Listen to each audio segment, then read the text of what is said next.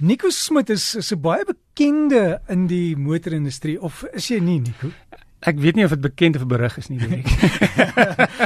as dit as dit berig is dan sal dit seker wees omdat jy te veel motors deurtrek. Nee nee, ek kyk goed na karre. Ek is regtig ek het eh, ek wil um, ek ek het uh, meganiese simpatie is nogal vir my baie belangrik. So ek probeer altyd goed na 'n kar kyk. Ek ek moet ook sê hierdie hierdie is nie net 'n motorrubriek nie. Ons gaan dit ook bietjie wyeer maak. Ons gaan kyk na later goed soos dalk een of twee trekkers. Hmm. Ons gaan kyk na vragmotors wat hierdie duur goed het jy miljoene voor betaal en selfs uh miskien 'n bromponie, 'n skootertjie of 'n ding. Ja. Want almal ry deesdae met die klein goedjies rond. En mense het vra oor dit. Dis die ding, uh, daar daar's so baie opsies. Uh, ons hoef nie noodwendig net te kyk na karre en karre te toets nie. Ek dink baie mense um, het ook baie vrae oor hoe werk hoe werk 'n turbo?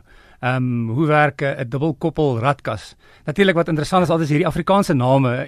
Double clutch gearbox is is, is baie maklik in Engels en ons almal ken dit so. So 'n groot gedeelte van die tyd moet ek hard dink om te sê wat is die Afrikaanse naam vir vir vir, vir baie van die stelsels, maar daar's so baie en en ek vind dit is eintlik redelik eenvoudig as jy dit net mooi verduidelik. So ehm um, daar's baie ander uh, goeders wat saam met dit gaan soos byvoorbeeld um, om veilig te ry. Um, wat is um, basiese goeders in jou kar um, wat jy kan doen om veiliger te wees? Um, basiese bestuursgoeders wat jy kan doen. So ek dink ons ons veld is redelik wyd. Dit gaan nie net wees kom ons kyk na die nuutste karre nie. Ek het eendag het ek 'n golfie gehad en ons het ek dink dit was by by Swartkops het ons een van hierdie hierdie bestuursopleidingskursusse gedoen.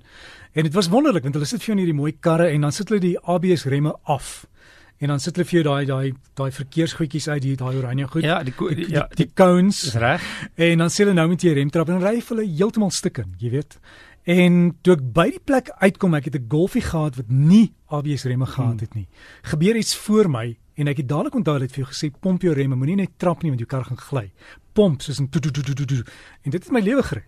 En weet jy, en dis presies die ding. Ek dink baie maal ons dink okay, ek het my lisensie kry, ek het my lisensie en en dit alles is goed genoeg en ek het nie nodig om verder te leer nie. En as jy daaraan dink, ehm um, as jy as jou kar gly, weet jy wat om te doen. As jy dit reën nou buite in in ja. Pretoria en Johannesburg. As as jy nou die hard die remme hard trap en jou kar gly, weet gaan jy weet wat om te doen. Wat is die regte ding om te doen? En as jy weet wat om te doen, kyk in jou triespieeltjie want die ou agter jou weet nie wat om te doen en hy kom vir jou. Dis altyd die ding is is uh, weet ons is ons is nogal redelik ongeduldig in Suid-Afrika. So as die ou hier agter jou sit, dan daar's nie 'n manier dat hy verbygaan gaan nie. Hy laat net maar sit ek bly in my baan. Ons het nogal uh, dis baie maal baie mense dink so daaraan en die probleem is as jy moet vinnig rem en daai is te naby dan dan het jy moeilikheid. So jy sit hom al reg. Die eerste ding wat jy gewoonlik doen as jy rem is kyk in die spieeltjie wat gaan agter jou. Ja, want baie keer moet jy heeltemal uit die pad uit gaan dat die ou nie in jou vasry. Dis presies dit. So ons weet my gevoel is gewoonlik hou maar links en in in in waar jy kan um, bly uit die vinnige baan uit en die ouens wat vinnig ry laat hulle uh, vinnig laat hulle maar verbykom. So ehm um, ja, hoe verder jy van ander karre kan bly, dis maar op die einde dis 'n basiese ding van ry. Hoe, hoe verder jy weg kan wees van enige ander kar, hoe veiliger is jy. Hoe nader jy aan die karre is, hoe hoe onveiliger is dit vir jou. Wanneer ek by 'n plek loop en ek wil 'n motor koop, dan vertel die ou vir jou al hierdie tegniese goed en hy sê hierdie kar het soveel perkrag en dit wat wat is perkrag? Uh, dis dis die uh, perkrag is is is uh um um in Engels horsepower. So dit is dit is hoeveel krag die kar ontwikkel. So gewoonlik is daar twee ehm um, syfers wat waarvan hulle praat. Hulle praat van krag in in kilowatt en wringkrag in in newtonmeter. Ehm um, so baie meeste mense is gewoonlik geneig om te kyk na krag en hoeveel krag jou kar ontwikkel. So uh, 50 kilowatt of 100 kilowatt of 200 kilowatt. So ehm um, dit is basies kom ons sê hoe hoe sterk jou jou jou engine is. Hm. Maar uh, die die die die een wat vir my beter is gewoonlik waar jy eerder na moet kyk is die wringkrag. Ehm um, in Engels praat hulle van torque.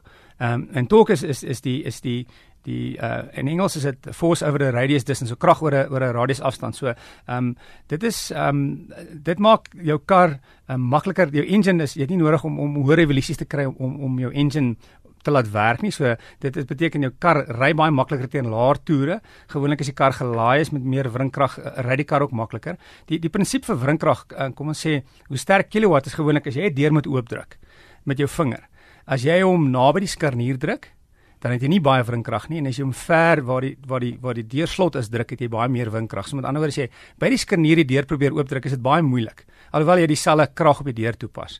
So wringkrag is gewoonlik as jy waar die deurslot is, daai kant van die deurslot druk is dieselfde krag wat jy toepas, maar is makliker om die deur oop en toe te druk. So wringkrag, met ander woorde, die dit laat jou krag meer voel. So as jy seker vir krag het, hoe meer wringkrag jy het, hoe meer ehm um, voel dit hoe meer krag jy het met so, ander woorde. So alles is net oor 'n langer afstand. Dis reg, met ander woorde, dis dieselfde as ons sê nou maar ek het 'n klein ehm um, 'n 'n 'n boutjie wat ek vasdraai en ek sê vir jou jy moet hom losdraai.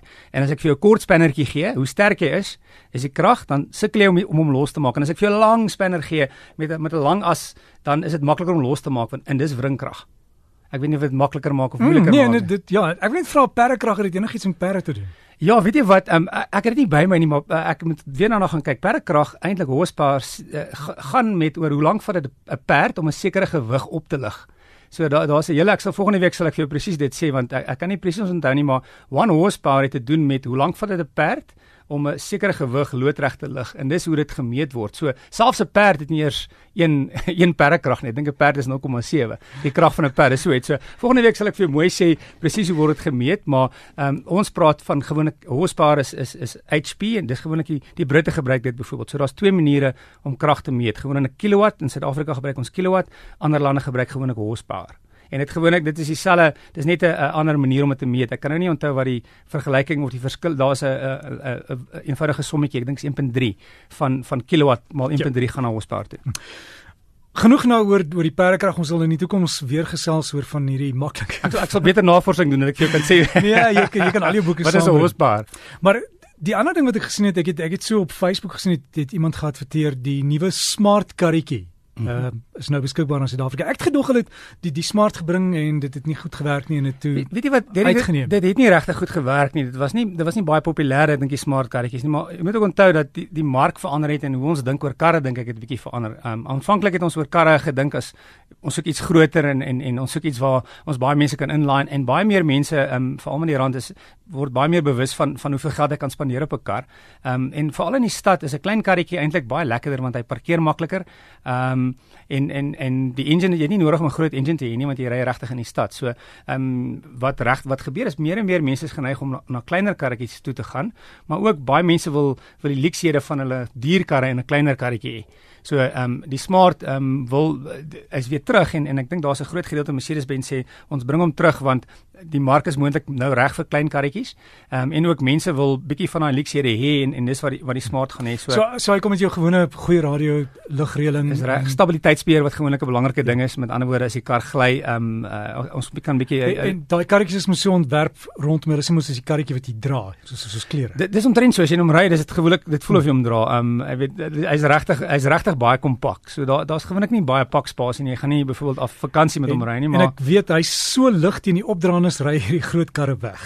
ja, dis die ding, dit gaan oor gewig. Jy weet ehm um, hoe ehm um, as jy as jy as jou kar en baie vervaardigers doen dit ook nou, hoe ligter jou kar is, hoe kleiner kan jou engine wees en natuurlik hoe beter is jou brandstofverbruik.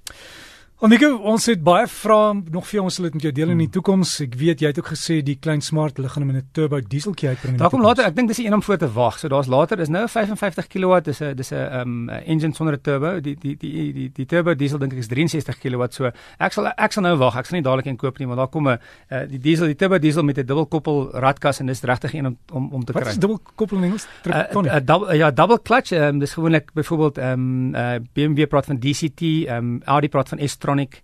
Ehm um, so dit is 'n uh, radkas met twee koppelaars. Dit is baie baie baie vinnig en goeie brandstofverbruik gewoonlik en ehm um, ehm um, um, baie glad. Ja, dit is baie tegnies. Oh, ek dink ons kan oh, tyd spandeer en, en net uh um, uh, 5 minute volgende keer spandeer net aan wat is 'n dubbelkoppel radkas. Ons sal gemaak. So gesels ons dan met Nico Smit en ek weet hy was ook in die buiteland sal volgende keer by hoor presies wat dit alles gaan doen. Ja, gesels ons oor motors, voertuie en alles met wiele en alles en jy hier op Breakfast.